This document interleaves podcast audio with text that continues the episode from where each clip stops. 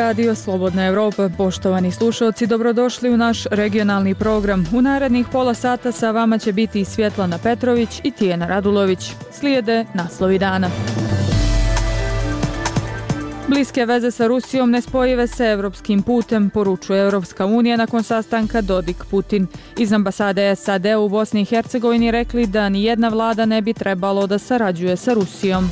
Lajčak pozvao Kosovo i Srbiju na sastanak o dinaru. Šef diplomatije Sjeverne Makedonije Bujar Osmani kandidat za predsjednika države.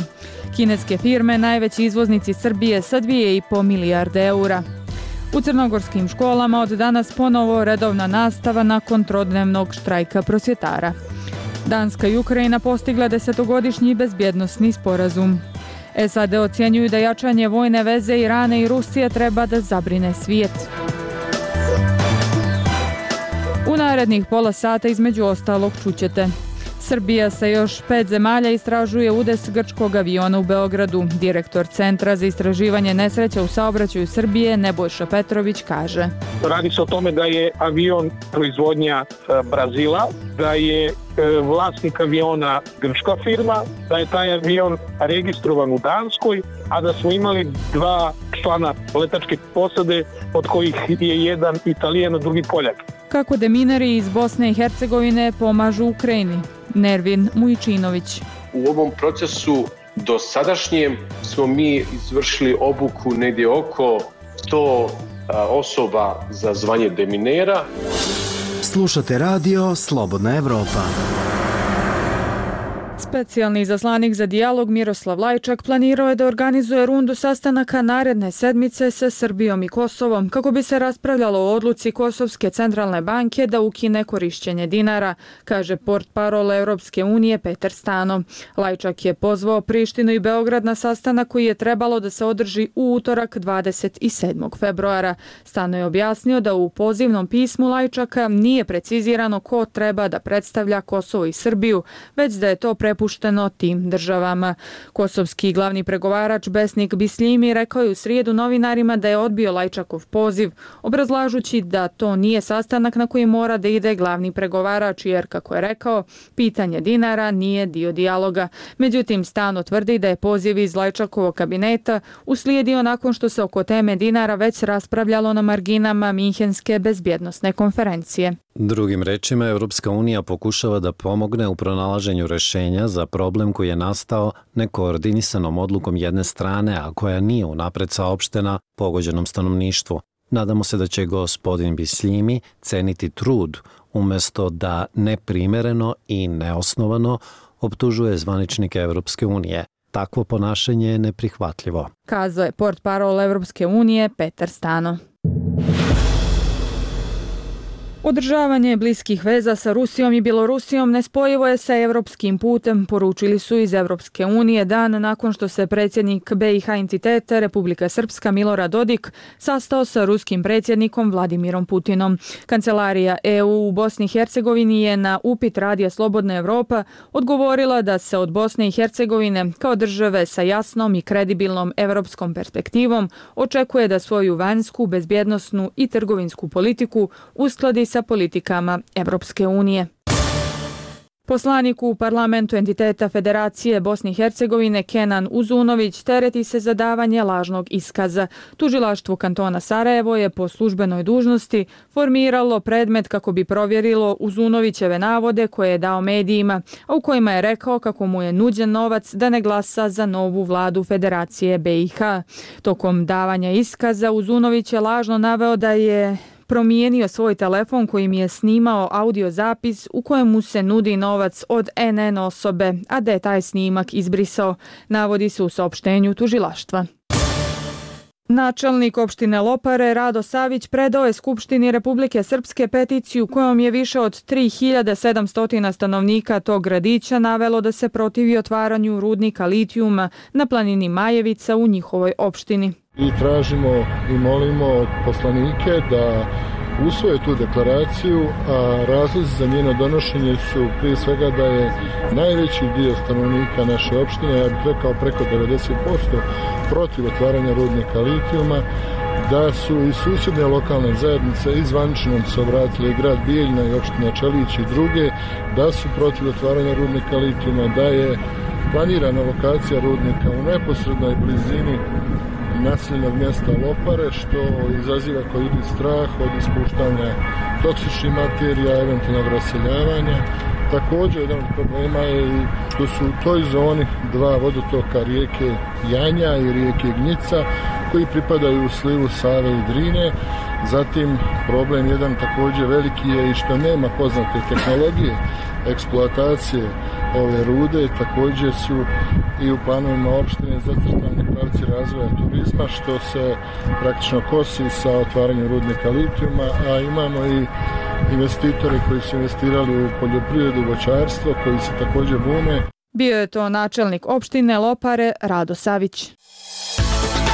Slušate regionalni program Radija Slobodna Evropa. Policija u Srbiji negirala je 22. januara da je grupu izbjeglica i migranata nehumano i nasilno protjerala sa južne granice zemlje u susjednu Sjevernu Makedoniju. Ministarstvo unutrašnjih poslova tako je odgovorilo na snimke koje je na društvenoj mreži X objavila organizacija za pomoć ljudima u pokretu iz Skoplja Legis. Iz te organizacije navode da je riječ o ljudima iz Sirije i Bangladeša koje je srpska policija na granici najprije primorala da skinu garderobu, a potom ih prisilno protjerala nazad u Sjevernu Makedoniju, odakle su i ušli na teritoriju Srbije. Radoš Đurović iz Nevladinog centra za pomoć migrantima i tražiocima azila kaže da od početka godine bilježe svjedočenja ljudi o učestalim pushbackovima, odnosno prisilnim protjerivanjima. Detaljnije u prilogu Ive Martinović i Mile Manojlović. Na dva snimka koje je na društvenoj mreži X objavila organizacija za pomoć ljudima u pokretu iz Severne Makedonije Legis, vidi se grupa muškaraca u donjem vešu kako po hladnoći u koloni, po mraku idu putem.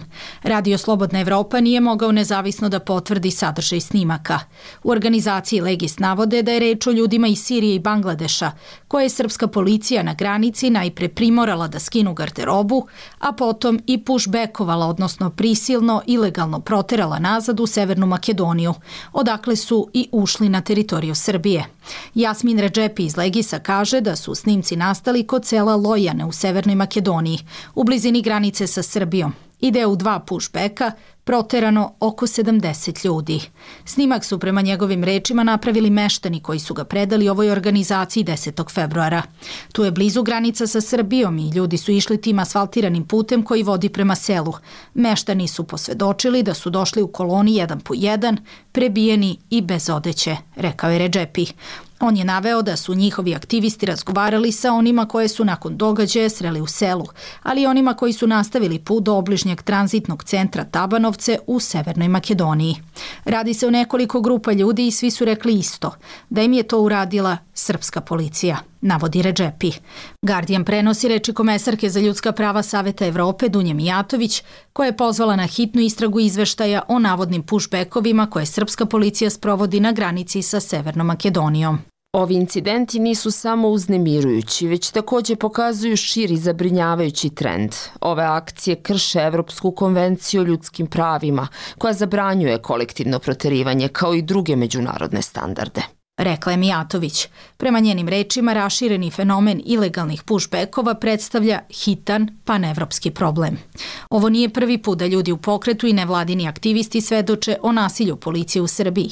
Srpska policija je od polovine 2022. intenzivirala racije u pograničnim područjima, tokom kojih na stotine ljudi prisilno premešta u državne kampove širom zemlje, a nevladine organizacije ukazuju na učestalu praksu pushbackova. Radoš Đurović iz Nevladinog centra za pomoć migrantima i tražiocima azila za Radio Slobodna Evropa kaže da od početka godine beleže svedočenja ljudi o učestalijim pushbackovima iz pravca Severne Makedonije ka Srbiji. Nama nekako je indikativno imajući u vidu situaciju na severu zemlje gde se u, u, u Vojvodini zatvaraju kampovi, gde se ljudi premeštaju izbegli iz tog dela zemlje na jug i u centralnu Srbiju, a evo sad pojavljuju se i te prakse pushbackova. Sve to očigledno ima za posledicu da se rasterete granice Europske unije, pre svega Mađarske, Hrvatske i ta migracija nekako sada pomenula tok ide prema Bosni. U akcionom planu Evropske unije za zemlje Zapadnog Balkana, koji je predstavljen u decembru 2023. definišu se nove mere za jačanje saradnje po pitanju migracije i upravljanja granicama. Uz dogovore o jačanju granica, Srbija je u novembru 2022. sa Mađarskom i Austrijom potpisala i deklaraciju o vraćanju migranata u zemlje porekla. U cilju borbe protiv ilegalnih migracija, Evropska unija najavila je u decembru 2022. dupliranje novca i slanje dodatnih policijskih snaga na jug Srbije, odakle ljudi u pokretu ulaze u zemlju. Srbija se nalazi na takozvanoj balkanskoj izbegličkoj ruti, kroz koju bežeći od rate i siromaštva ljudi u pokretu pokušavaju da se domognu država Evropske unije, često uz pomoć krijumčara. Priču Ive Martinović priredila Mila Manojlović. Centar za istraživanje nesreće u saobraćaju Srbije saopštio je da je započeo istragu o udesu putničkog aviona Marathon Airlines na Beogradskom aerodromu Nikola Tesla od 18. februara. Detaljnije, Dušan Komarčević. Jedan od verovatnih uzroka ovog udesa je neadekvatna procena parametara za poletanje tokom predpoletne pripreme letačke posade aviona, a nakon odluke da izvrši poletanje sa manje dužine poletno-sletne staze u odnosu na inicijalno planiranu. Ovo je navedeno u zaključku o početku istrage udesa letelice tipa Embraer 195 LR na letu Air Srbije iz Beograda za Düsseldorf specijalizovane organizacije vlade Srbije Centra za istraživanje nesreća u saobraćaju. Dodaje se da je u trenutku udesa u avionu bilo 106 putnika, dva člana letačke i tri člana kabinske posade, da nije bilo povređenih i da je tom prilikom došlo do oštećenja letelice. Air Srbija je prethodno 20. februara saopštila da prekida saradnju sa Marathon Airlinesom i da će letovi koje je za nju trebalo da obavi ta grčka aviokompanija biti raspoređeni na druge avione u floti kako bi se održao kontinuitet saobraćaja. U prvim izveštajima medija specijalizovanih za vazduhoplovni saobraćaj u nedelju su objavljene fotografije i video snimci oštećenja tog aviona koji se nakon poletanja prinudno vratio na Beogradski aerodrom. U obaveštenju centra navodi se da su uviđajem ustanovljena veća oštećenja na trupu aviona, oštećenja u korenu levog krila i dve rupe na oplati sa donje strane, kao i na gumi točka sa leve noge glavnog stajnog trapa. Dodaje se da su proverom aerodromskih površina u pravcu poletanja aviona ustanovljena oštećenja prilaznih svetala, da su na njima primećeni tragovi guma, kao i da je nedostajao stub monitorske antene instrumentalnog sistema za sletanje. Njeni delovi su pronađeni u oštećenju aviona i na zemljanoj površini udaljenoj 90 metara od mesta udesa. Istražitelji su saslušali članove posade koji su, kako se navodi u obaveštenju centra, izjavili da je pri poletanju avion počeo da se trese kao da prelazi preko neravnina, da se pri odvajanju od tla čuo udarac o neki predmet, te da se po odvajanju od tla čula buka iz pravca trupa letelice, sa prekidom u radu svetala na levom krilu. Dodaje se da je po sletanju aviona na Beogradski aerodrom primećeno curenje goriva iz levog krila, kao i da je reagovala dežurna vatrogasna jedinica. U zaključku Centar za istraživanje nesreća u saobraćaju Srbije navodi da će po završetku istrage ovog udesa izdati bezbednostne preporuke. Iz Beograda za Radio Slobodna Evropa Dušan Komarčević. Više detalja o ovoj istrazi za Radio Slobodna Evropa dao je direktor Centra za istraživanje nesreće u saobraćaju Republike Srbije Nebojša Petrović. Koliko će istraga ovog slučaja trajati? Koliko procenjujete da, da, da bi mogla da, da potraje? Pa ovaj slučaj ima jednu specifičnost koja naravno vazduhoplovstvo nije redak slučaj, a to je da a, imamo pored naše zemlje koja vodi istragu a, još pet zemalja koje su involvirane preko učesnika u ovom događaju koji smo mi kvalifikovali kao udes. Radi se o tome da je avion proizvodnja e, Brazila, e, da je e, vlasnik aviona grčka firma, da je taj avion registrovan u Danskoj, a da smo imali dva člana letačke posede, od kojih je jedan italijan, a drugi poljak.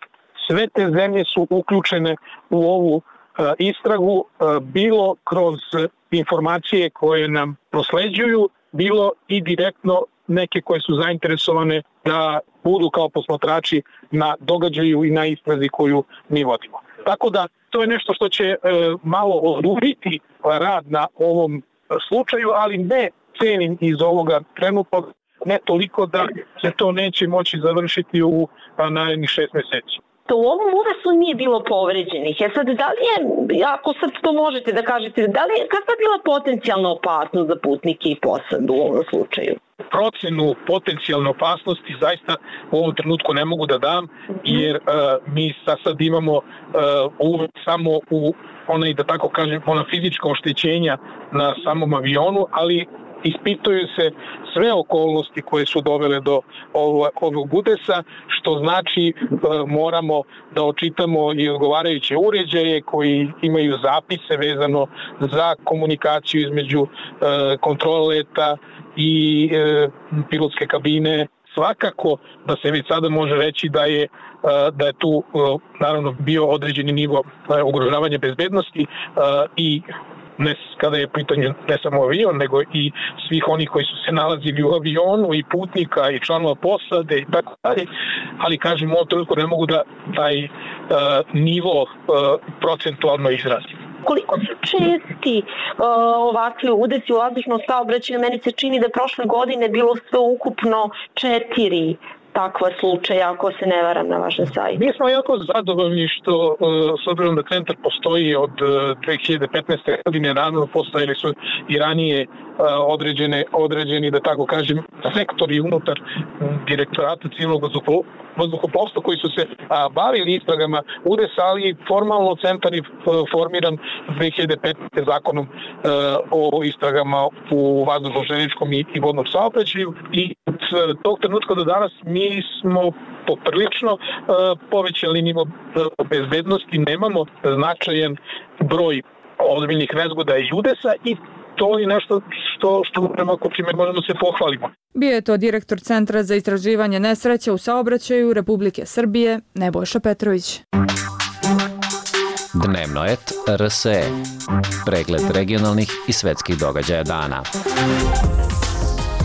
U koordiniranoj međunarodnoj operaciji agencije iz 10 zemalja preuzele su kontrolu nad dark web stranicama koje koristi Logbit, jedna od najplodnijih kriminalnih grupa koja je razvila zlonamerni softver ransomware i od hiljada žrtava širom sveta izvukla milione dolara, pišu svetski mediji.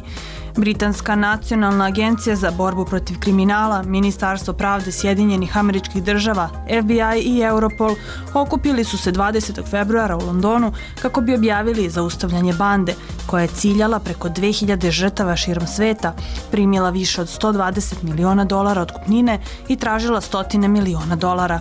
Ransomware logbita korišćen je protiv širokog spektra ciljeva, od malih preduzeća i pojedinaca do velikih korporacija, pošte, pa čak i dečje bolnice, ističe agencija France Press.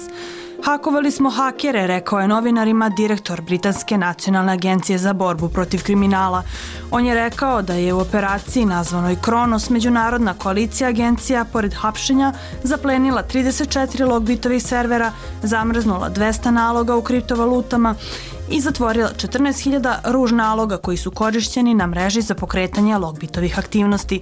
Sjedinjene američke države su optužile dvojicu ruskih državljana za postavljanje logbit ransomware protiv kompanije i grupa širom sveta, dok je policija u Poljskoj i Ukrajini uhapsila dvojicu sumnjičenih, piše Reuters. Logbitov zlonamerni softver odgovoran je za otprilike četvrtinu svih ransomware napada u poslednje dve godine, procenjuje SecureWorks. Veruje se da se Logbitom upravlja iz Rusije, iako su njegove veze s ruskom vladom, ako ih ima neizvesne, piše Washington Post. Zvaničnici nisu otkrili kako su uspeli da zaplene lokaciju Logbita, ali jedna osoba bliska operaciji rekla je da je za to trebalo čak godinu dana, napisao je ovaj list.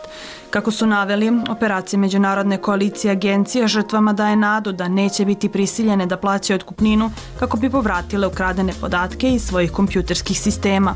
Međutim, najnovija zaplena dark web stranice može prisiliti cyber kriminalce da postave novu kompjutersku infrastrukturu za ucenjivanje žrtava, piše CNN, i dodaje da će državni i privatni istražitelji širom sveta pomno proučavati logbitove sledeće poteze.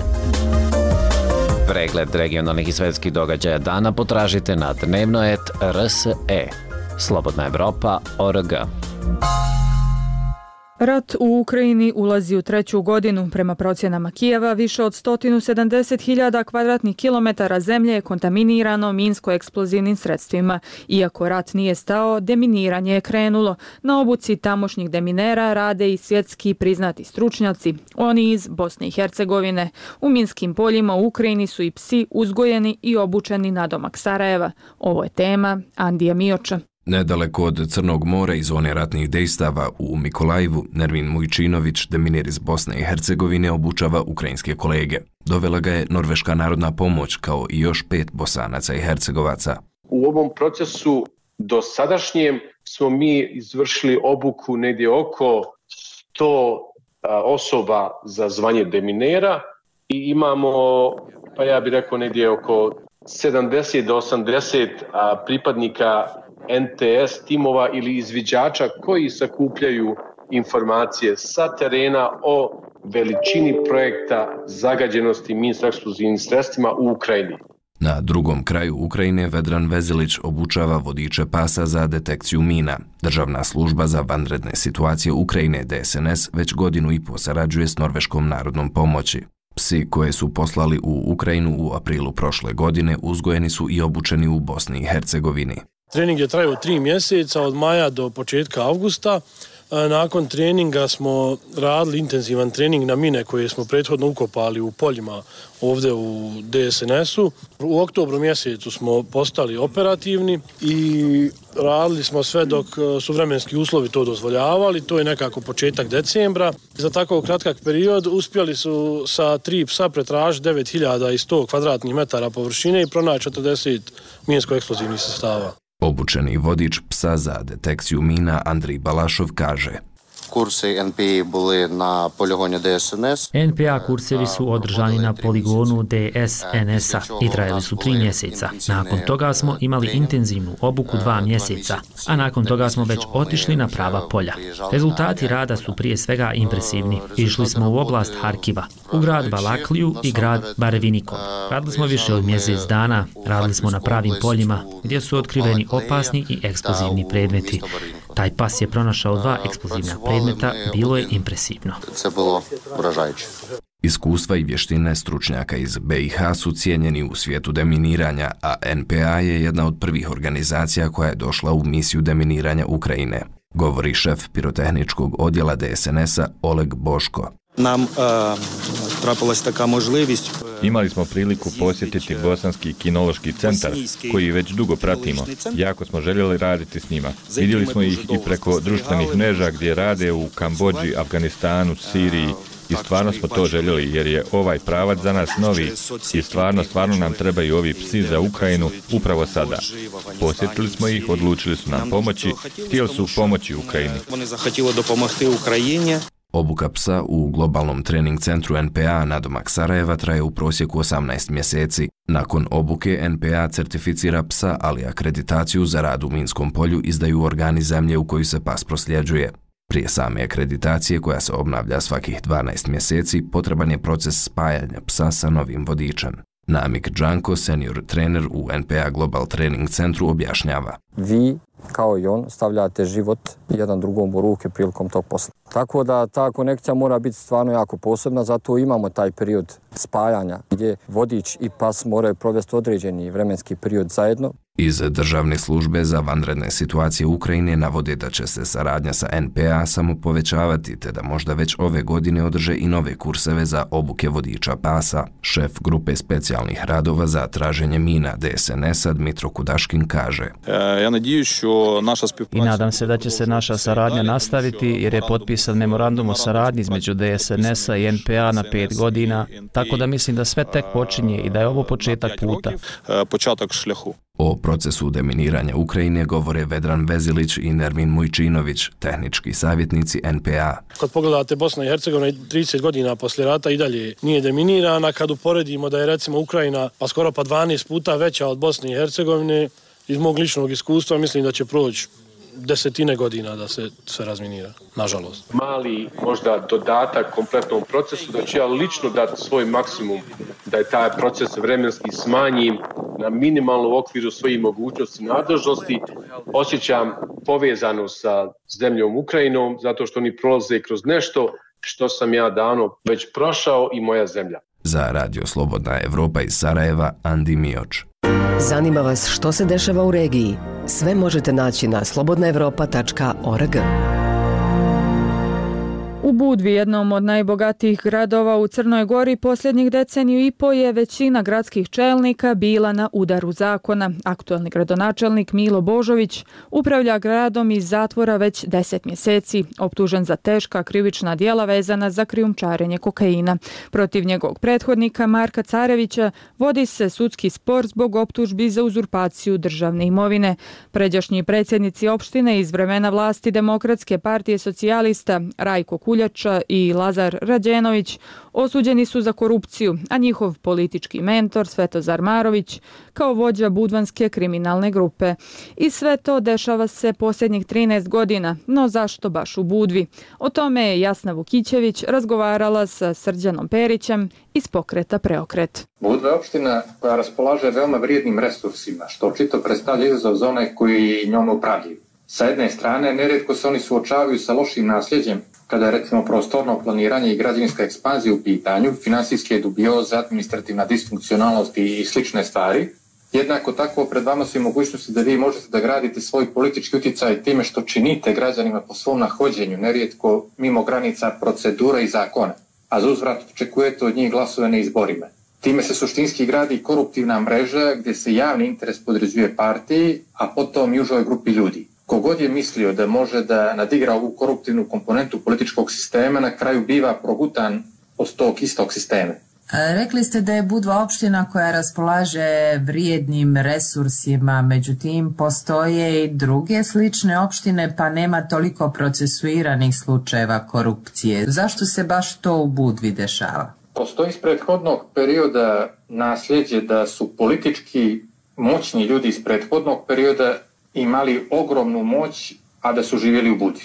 Konkretno, uh, raniji predsjednik Skupštine Crne Gore je bio budvarin i imao što je sudski dokazano, presudom, pravosnažnom, imao svoju organizovanu kriminalnu grupu. Kada stvorite jedan put tu naviku i koncentraciju mo moći u jednom mjestu, onda to bude za mamno moguće i za druge ljude da misle da mogu da nadigraju sistem, tako da kažem. Ne kažem da se to uvijek dešava, ali iskušenje jeste pred a, ljudima koji već imaju prethodno razrađene koruptivne prakse da lakše uplivaju u njih. Rekli ste da kogod e, misli da može da nadigra koruptivnu komponentu političkog sistema, na kraju biva progutan od tog istog sistema, gdje onda izlazi iz tog začaranog kruga.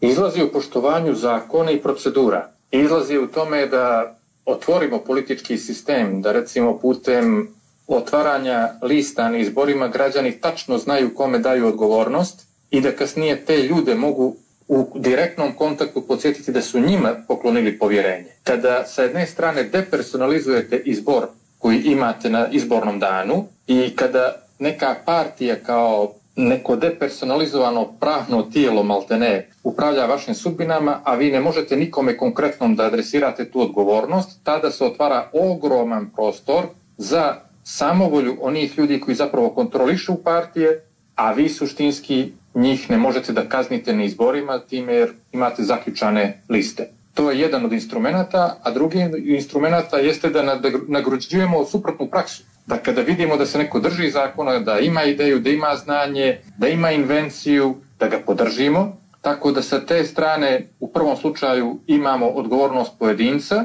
kako se ponaša, a sa druge strane i odgovor nas kao građana, kao kolektiviteta, ako hoćete, kome poklanjamo taj izbor. Bio je to Srđan Perić iz pokreta Preokret, sa kojim je razgovarala Jasna Vukićević.